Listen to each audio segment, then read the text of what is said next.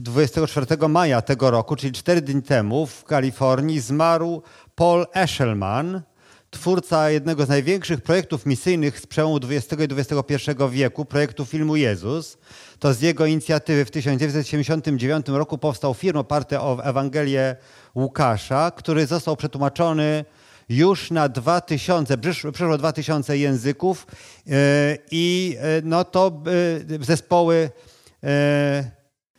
początkowo używające projektorów EIKI japońskich 16 mm po całym świecie jeździły i wyświetlały ten film i w, na przykład w Polsce mamy dwa przekłady. Jest polski dubbing tego filmu i kaszubski. Także naprawdę na bardzo wiele języków film ten został przetłumaczony i to jest naprawdę, no, no teraz już oczywiście ten film e, trochę się zestarzał, więc inne powstały narzędzia, ale to naprawdę był wielki projekt misyjny i to wiąże się z dzisiejszym świętem, bo dzisiaj jest Dzień Zielonych Świąt, czyli y, y, pamiątka zesłania Ducha Świętego i o tym dzisiaj chciałem powiedzieć, parę słów.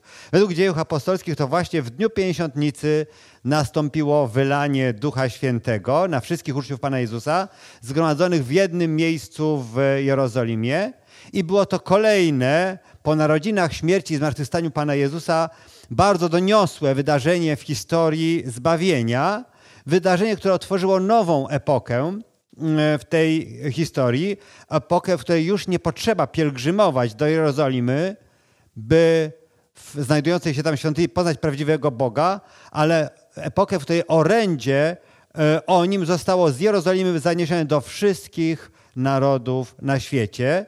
I wydarzenie to było rzeczywiste, a zarazem pełne symboliki, i chociaż część tej symboliki postaram się dzisiaj e, no, ro, rozszyfrować. Więc przeczytamy e, oczywiście fragment z dzieł apostolskich, ale zanim przeczytamy fragment dzieł apostolskich, przeczytamy inny fragment z bardzo odległej księgi Starego Testamentu, z Księgi Rodzaju, rozdział 11, wersety od 1 e, do 9, a potem, a potem z drugiego rozdziału dzieł apostolskich, wersety 1 do 13. Cała ziemia miała jeden język i jednakowe słowa. Podczas swojej wędrówki e, ze wschodu znaleźli równinę w kraju Sinear i tam się osiedlili.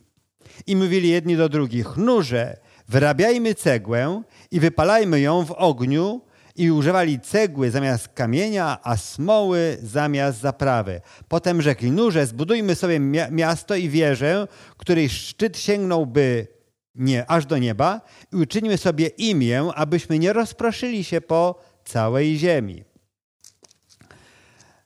Wtedy stąpił Pan, aby zobaczyć miasto i wieżę, które budowali ludzie i rzekł Pan, oto jeden lud i wszyscy mają jeden język, a to dopiero początek ich dzieła, teraz już nic dla nich nie będzie niemożliwe, cokolwiek zamierzają uczynić. Przeto stąpmy tam i pomieszajmy ich języki, aby nikt nie rozumiał języka drugiego i rozproszył ich Pan stamtąd po całej ziemi i przestali budować miasto. Dlatego nazwano je Babel, bo tam Pan pomieszał e, e, ich języki całej ziemi i rozproszył ich stamtąd po, po powierzchni całej ziemi. A teraz z dziejów apostolskich, drugi werset, rozdział wersety od 1 do 13. A gdy nadszedł dzień Zielonych Świąt, byli wszyscy razem na jednym miejscu i powstał nagle z nieba szum, jakby wiejącego gwałtownego wiatru i napełnił cały dom, gdzie siedzieli. I ukazały się im języki, jakby z ognia, które się rozdzieliły i usiadły na każdym z nich. I napełnieni zostali wszyscy Duchem Świętym i zaczęli mówić innymi językami, jakim Duch podwodawał. A przybywali w Jerozolimie Żydzi i mężowie nabożni spośród wszystkich ludów, jakie są pod niebem. Gdy więc powstał ten szum, zgromadził się tłum i zatrwożył się, bo każdy słyszał ich mówiących w, imię, w swoim języku. I zdumiewali się i dziwili, mówiąc, czyż oto wszyscy ci, którzy mówią, nie są Galilejczykami? Jakże więc to jest, że słyszymy każdy z nas swój własny język, w którym urodziliśmy się? Partowie i Medowie, i Elamici, mieszkańcy Mezopotamii, Judei, Kapadocji, Pontu, Azji, Frygii, Pamfilii, Egiptu i części Libii położonej obok Cyreny i przychodnie rzymscy. Zarówno Żydzi, jak i prozelici, Kreteńczycy i Arabowie, słyszymy ich, jak w naszych językach głoszą wielkie dzieła Boże. I zdumiewali się wszyscy i będąc w niepewności mówili jeden do drugiego, cóż to może być? Inni zaś drwili mówiąc, młodym winem się upili. Dotąd Słowo Boże. Teraz pomodlę się. Panie Boże, dziękujemy Ci za wspaniałe Twoje Słowo, za to, że jest ono spójne od Księgi Rodzaju aż po Apokalipsę, że ono ma jednego autora, którym jest Duch Święty i dziękujemy Ci za to, że możemy dzisiaj to Słowo rozważać. Proszę poprowadź nas, abyśmy mogli dobrze zrozumieć ten fragment i żeby to rozważenie przyniosło wzrost w naszej wierze i w poznaniu Ciebie. Amen. Dzisiejsze rozważanie zatytułowałem Zmiana kierunku. Z Jerozolimy po krańce ziemi. I zanim zaczniemy, e, e, zajmiemy się, zanim zajmiemy się samym zesłaniem Ducha Świętego, przypomnijmy sobie, czym była Pięćdziesiątnica. Więc to było jedno z trzech e, świąt pielgrzymich ustanowionych w prawie mojżeszowym. E, w Księdze Kapłańskiej w 23 rozdziale, począwszy od 15 wersetu i potwierdzonym w Księdze Liczb e, w 20 rozdziale od 26 wersetu. Było to święto, pomyślane jako święto wdzięczności za pierwsze żniwa. No bo w Palestynie są dwa, dwa żniwa. Jedno jest właśnie e, wiosną, późną, a drugie jest jesienią. No i właśnie te pierwsze żniwa trwały od święta Paschy, od prześników, aż do pięćdziesiątnicy i pięćdziesiątnica je kończyła. I wtedy się radowano, świętowano, że jest pierwszy plon w tym roku. Pierwszy plon, a plon jest, to jest pożywienie, prawda? Więc jest źródło radości.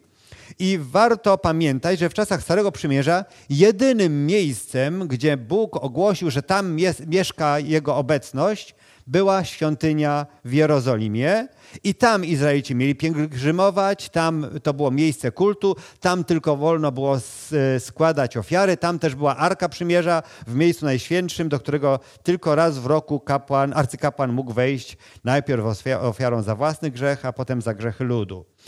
E, I w czasach Pana Jezusa ta świątynia to była już druga, druga świątynia.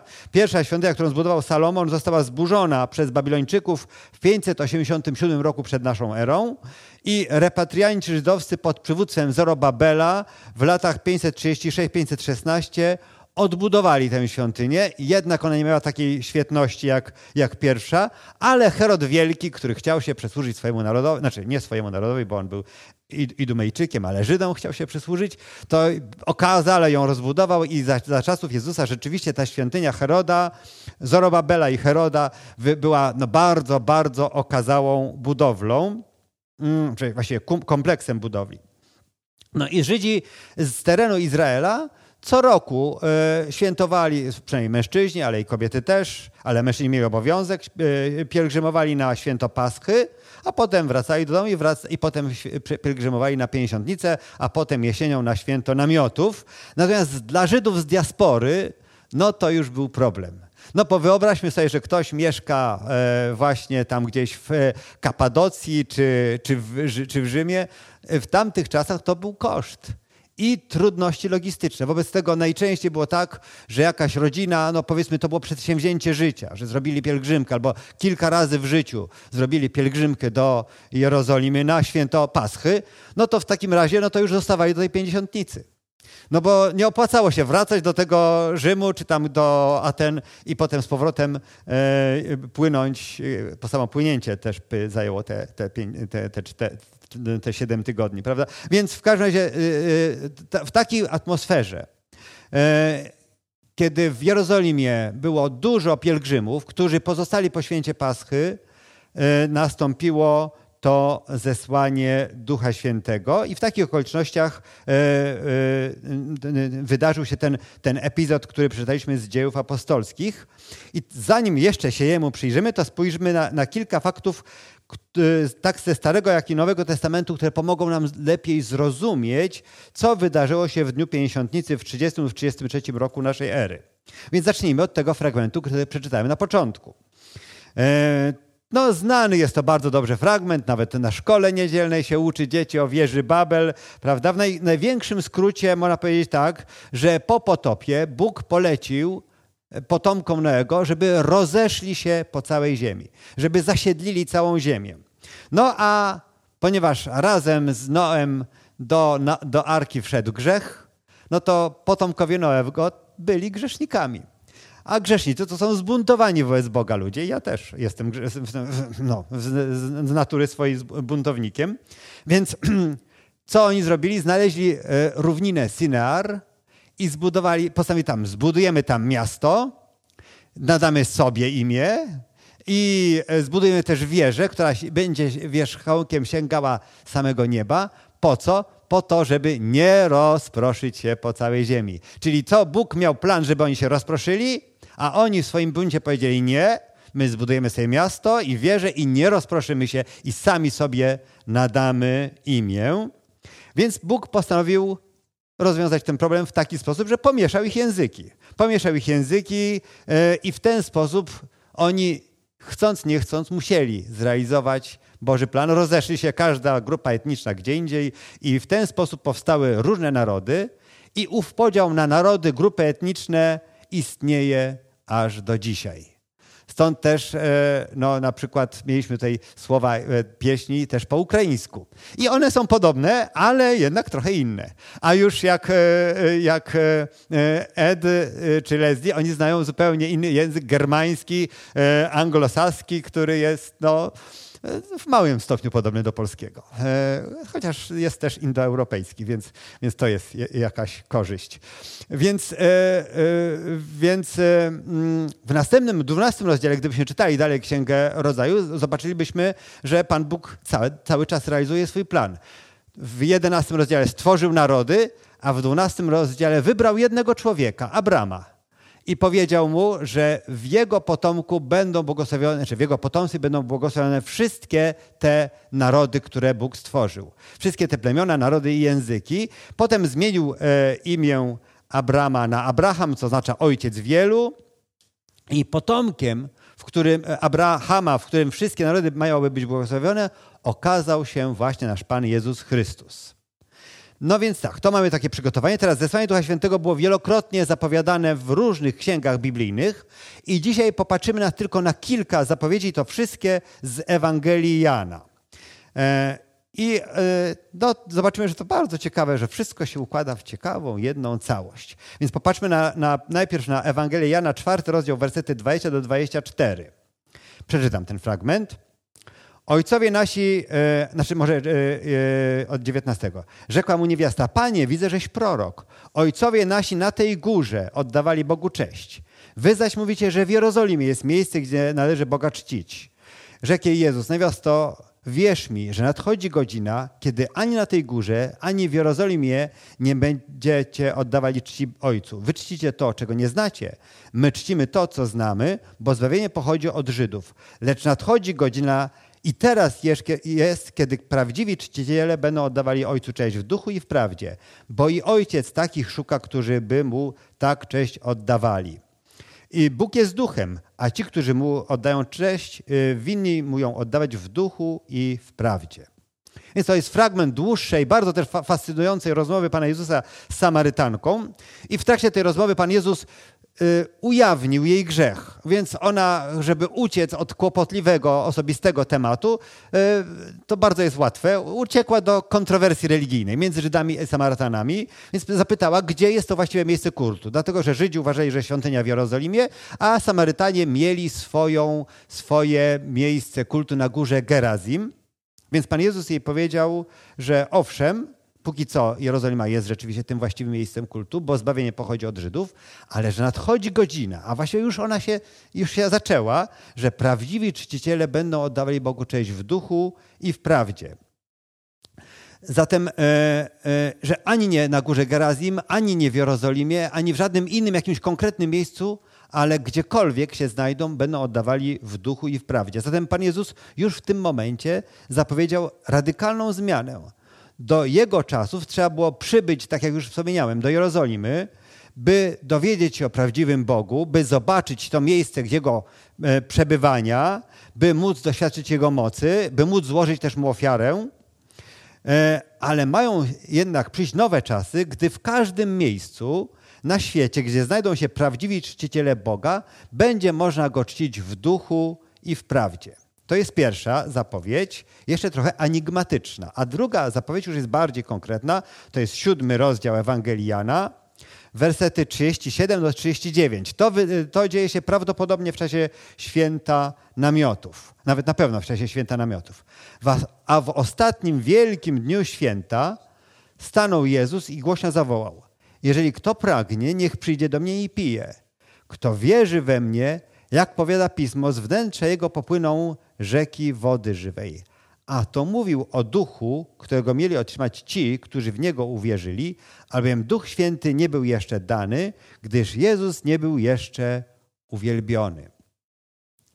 Tutaj w czasie właśnie tego trzeciego świąt pielgrzymich, święta namiotów, Pan Jezus najprawdopodobniej stanął naprzeciwko procesji zniosącej wodę z sadzawki Syloe, bo w czasie tego święta namiotów modlono się też o deszcze w porze deszczowej i powiedział, jeżeli ktoś pragnie, niech przyjdzie do mnie i pije, bo z jego wnętrza popłyną rzeki wody żywej. I Jan wyjaśnił, że Pan, Pan Jezus mówił o Duchu Świętym, którego mieli otrzymać ci, którzy uwierzyli w Jezusa. I dalej dodał, że w, e, że w tym momencie Duch jeszcze nie był dany, bo Jezus jeszcze nie był uwielbiony. I z innych miejsc Ewangelii e, Jana dowiadujemy się, że Pan Jezus został uwielbiony przez swoją śmierć i zmartwychwstanie. Czyli Duch Święty nie zostanie dany, nie zostanie wylany, dopóki Jezus nie zostanie uwielbiony, czyli dopóki nie, nie umrze, nie, nie zmartwychwstanie i nie wstąpi do nieba. Czyli te trzy ważne wydarzenia muszą się wydarzyć, zanim Duch Święty stąpi na uczniów. No i mamy ostatni fragment, ostatnia zapowiedź z 14 rozdziału Ewangelii Jana, wersety od 16 do 18. To jest już rozmowa e, w czasie ostatniej wieczerzy tylko z uczniami Pana Jezusa. W Ewangelii Jana jest ona bardzo rozbudowana, bardzo dużo e, Jan zrelacjonował tej rozmowy. I Pan Jezus tak mówi, ja prosić będę Ojca i dawam innego pocieszyciela, aby był z wami na wieki. Ducha prawdy, którego świat przyjąć nie może, bo go nie widzi i nie zna. Wy go znacie, bo przebywa wśród was i w was będzie. Nie zostawię was sierotami, przyjdę do was. Zatem e, tutaj Pan Jezus mówi uczniom, że będzie prosił Ojca, a On da im innego pocieszyciela, aby był z uczniami i w domyśle i z wszystkimi ich następcami, bo na wieki, na wieki. Jezus był pierwszym pocieszycielem, pierwszym parakletem, e, gdy przebywał wśród uczniów. Takim pocieszycielem, jak to Przemek mówił, pocieszycielem, e, doradcą, pomocnikiem, obrońcą, gdy przybywał wśród uczniów, ale no, ma wstąpić do nieba, więc zapowiada, że na jego prośbę ojciec pośle mu innego pocieszyciela, allos, paratakletos, innego, ale tego samego rodzaju co Jezus i będzie to duch prawdy, którego świat y, nie może przyjąć, czyli ta społeczność ludzka, która odrzuca Boga, nie może go przyjąć, bo go nie widzi i nie zna. Dlaczego? Bo jest zamknięta na Boga ale uczniowie znają ducha, bo przybywa wśród nich, przebywa skoro Jezus był e, cały czas pełen Ducha Świętego, ale też jest zapowiedź, że On w nich będzie, czyli zapowiedź, że ten duch potem będzie mieszkał w nich. I tak dochodzimy do naszego e, dzisiejszego głównego tem, e, fragmentu, ale jeszcze to nie koniec. Jeszcze przeczytamy coś z dziejów apostolskich z pierwszego rozdziału, wersety 6 do 8 bo to wszystko pomaga zrozumieć to wydarzenie. I to, ten fragment, który czytamy, to się wydarzył na 10 dni przed e, pięćdziesiątnicą, 40 dni po zmartwychwstaniu Pana Jezusa. A gdy, e, gdy oni tedy się zeszli, pytali go, mówiąc, Panie, czy w tym czasie odbudujesz Królestwo Izraelowi? Rzekł do nich, nie wasza to rzecz, znać czasy i chwile, które Ojciec w mocy swojej ustanowił, ale weźmiecie moc Ducha Świętego kiedy stąpi na was i będziecie mi świadkami w Jerozolimie i w całej Judei i w Samarii i aż po krańce ziemi. Zatem e, Pan Jezus zebrał swoich uczniów przed wniebowstąpieniem na ostatnią rozmowę, ostatnie spotkanie i zwróćmy uwagę, o co uczniowie go zapytali.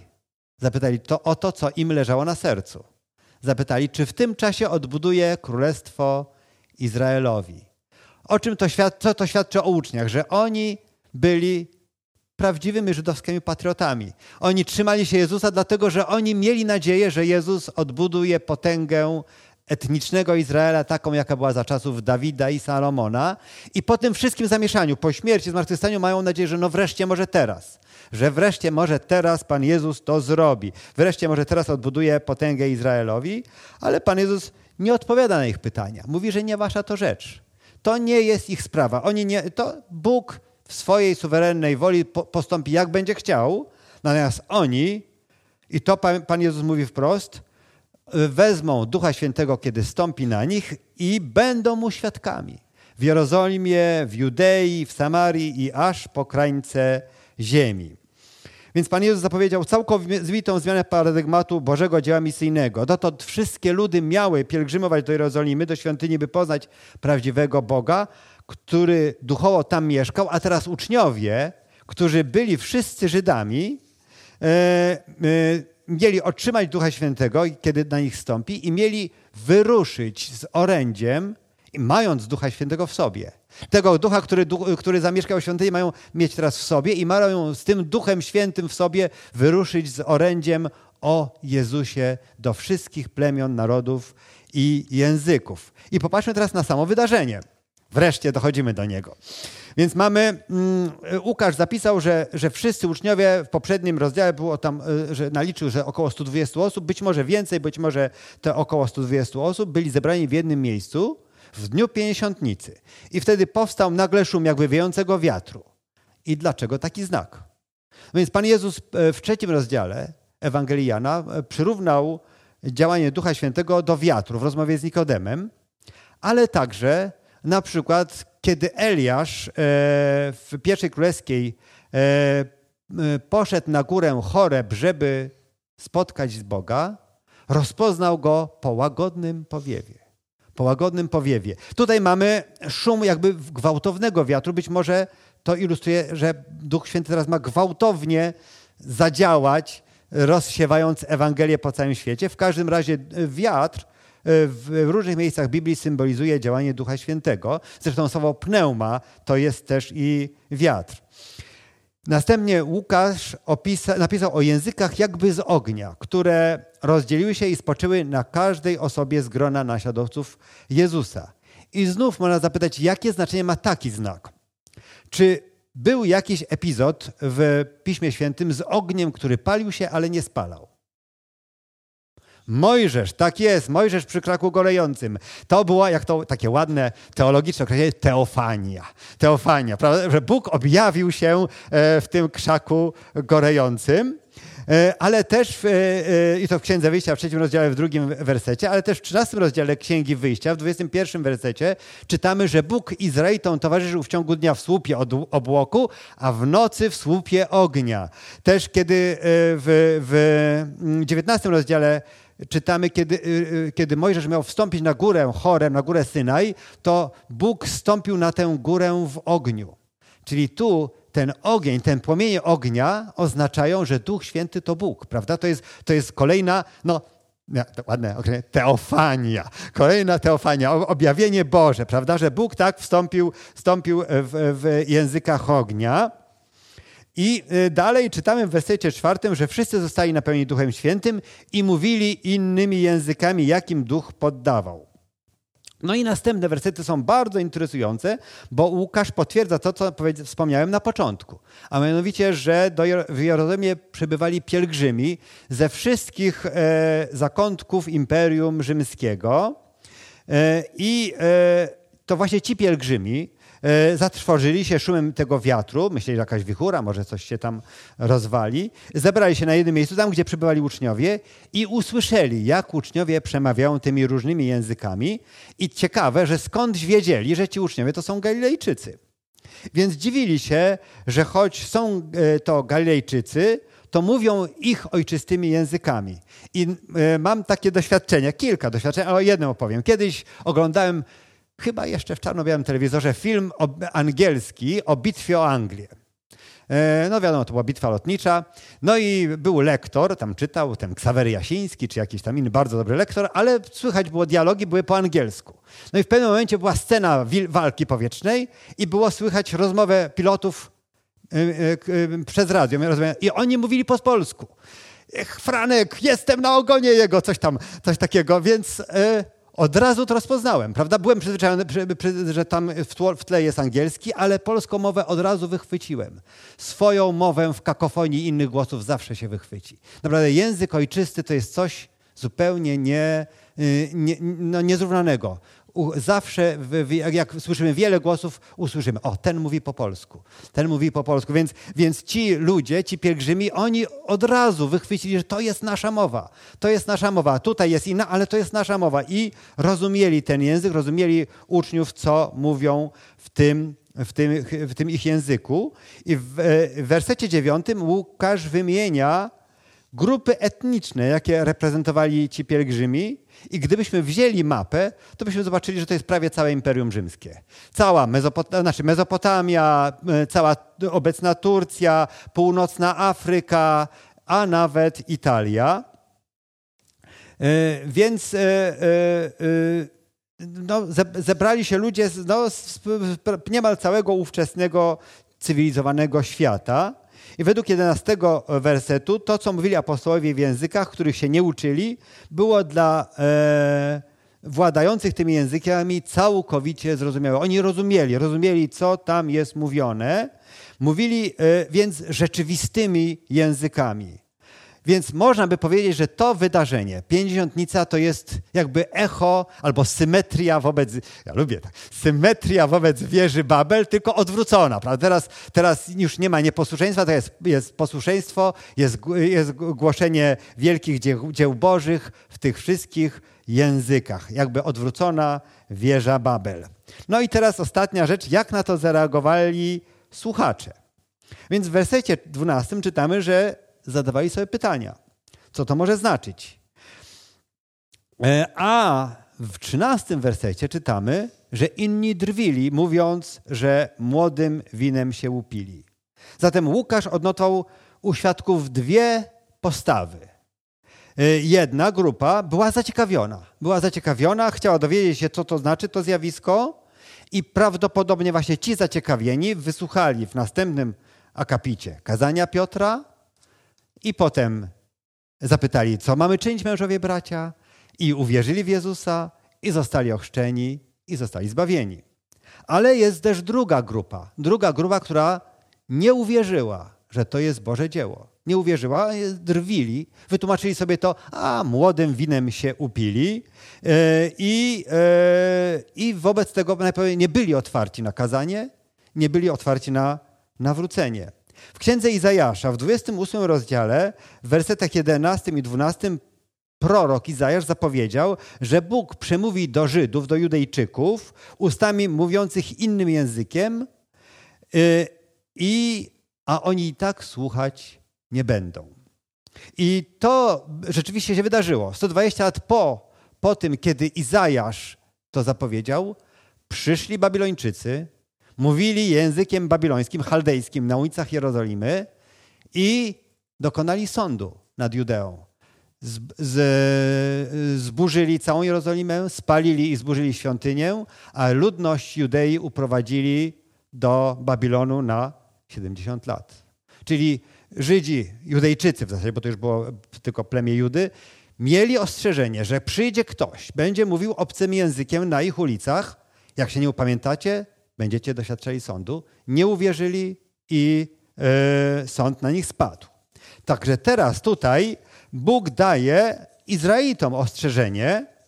Usłyszeli w Jerozolimie obcą mowę, obce języki, ale nie uwierzyli. Za 40 lat Rzymianie zburzą ich świątynię i to tak skutecznie, że nie zostanie odbudowana aż do dzisiaj. Aż do dzisiaj. Zatem znak języków Znak języków był znakiem rzeczywistych języków i nie był jakimś takim przypadkowym popisem Bożej mocy i Bożych możliwości, ale miał konkretne i precyzyjne znaczenie. Z jednej strony skierowany był do uczniów, którzy byli wyłącznie Żydami i którzy tęsknili za tym, żeby Jezus, żeby Jezus odbudował im królestwo Izraela, królestwo tak potężne, jak było za czasów Salomona. I ten znak był dla nich, że nie, wy macie iść do tych wszystkich plemion, narodów i języków i głosić im Jezusa.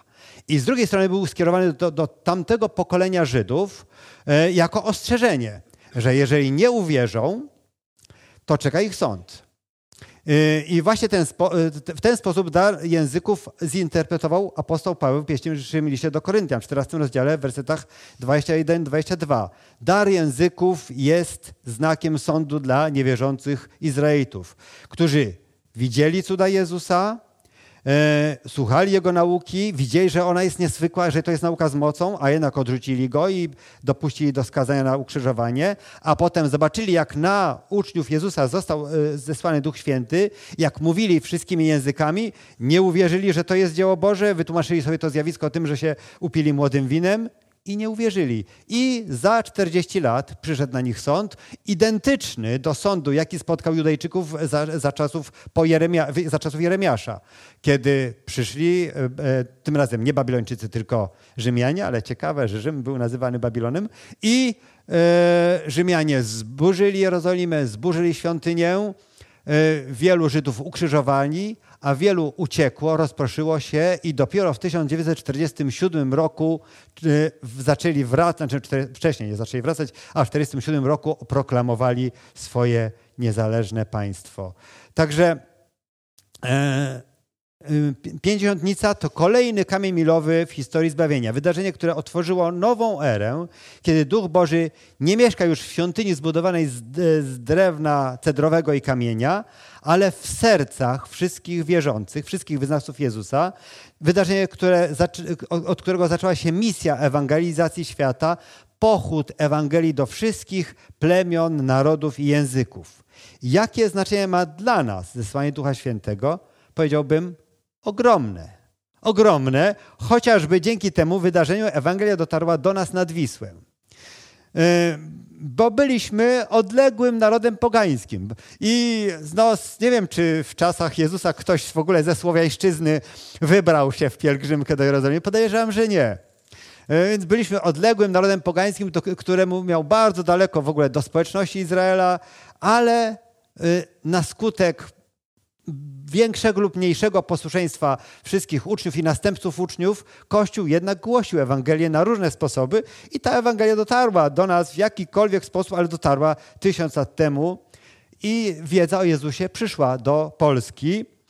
E, więc nie tylko poznaliśmy Ewangelię, teraz również i my, jako nawróceni, nawrócone jednostki i jako wspólnota tego lokalnego kościoła, możemy być pewni, że Duch Boży mieszka w nas. Nie musimy mieć świątyni z drewna cedrowego, z miejscem najświętszym. W sercu każdego z nas mieszka Duch Boży. To jest niebywałe przełom i niebywała e, wartość pięćdziesiątnicy. I po trzecie, ważne jest, abyśmy pamiętali, że po, po, co, po co uczniowie e, otrzymali Ducha Świętego? Po co Pan Jezus dał im ucznie, Ducha Świętego? Po to, żeby głosić Ewangelię, żeby zanosić to orędzie Ewangelii E, o, o Jezusie, który oddał swoje życie za nas, zmartwychwstał i żyje po krańce ziemi. Oczywiście Pismo Święte mówi dużo więcej o dziele Ducha Świętego, o Jego osobie, o tym, że, jest, że On przemiał przez proroków, że natchnął uczniów, by spisali Nowy Testament. On też oświeca nasze serce, byśmy mogli rozumieć Słowo Boże. On wskazuje nam grzechy, które powinniśmy wyznać. On też prowadzi proces uświęcenia nas ale wszystko to dzieje się po to, abyśmy byli skutecznymi świadkami Jezusa po całej ziemi. Y, uczniowie otrzymali moc Ducha Świętego, by znaleźć Ewangelię do wszystkich narodów i to również jest wyzwanie dla nas. Też możemy głosić Ewangelię i co ciekawe, co ciekawe, w obecnych czasach to nawet można siedy, głosić Ewangelię siedząc przy komputerze i można głosić ją w Anglii, w Kanadzie, w Afryce zależy jakiego ucznia się trafi, prawda? Jest, te, teraz możliwości głoszenia Ewangelii po całym świecie są coraz większe. Czy przygotowując programy radiowe, czy jeżdżąc na misję do innych krajów. Różne są możliwości, ale zadanie Kościoła jest takie. Kościół ma zanosić Ewangelię do wszystkich plemion, narodów i języków. Film Jezus został przetłumaczony na 2000 języków, ale słyszałem, że to nie są wszystkie że to nie są wszystkie, że jest jeszcze wiele języków małych, niszowych, na które i Nowy Testament powinien być przetłumaczony, i narzędzia ewangelizacyjne, i do których Ewangelia powinna być zaniesiona. Więc módlmy się o to, żeby Bóg używał także i nawet nas, i naszej małej społeczności, żebyśmy przyczyniali się do tego, żeby Ewangelia o Jezusie była zanoszona po krańce ziemi. Może powstajmy, pomódlmy się i na tym zakończę moje dzisiejsze zwiastowanie. Panie Boże, dziękujemy Ci za niebywały dar Ducha Świętego, za to, że Duch Święty y, mieszka teraz w sercu każdego z nas. I też i każdy z nas y, pojedynczo i my jako społeczność ta tu na Lęborskiej też jesteśmy świątynią Ducha Świętego i że też otrzymaliśmy tego Ducha Świętego po to, aby być skutecznymi świadkami wspaniałego dzieła Pana Jezusa, Jego dzieła zbawienia i Jego dzieła e, odkupienia całego świata. Proszę, abyś e, stawiał na drodze każdego z nas nowe osoby, których moglibyśmy ogłosić Ewangelię i abyś używał nas pojedynczo i całego naszego Kościoła w tym, e, w tym wielkim dziele zaniesienia Ewangelia, Ewangelii na cały świat. Amen.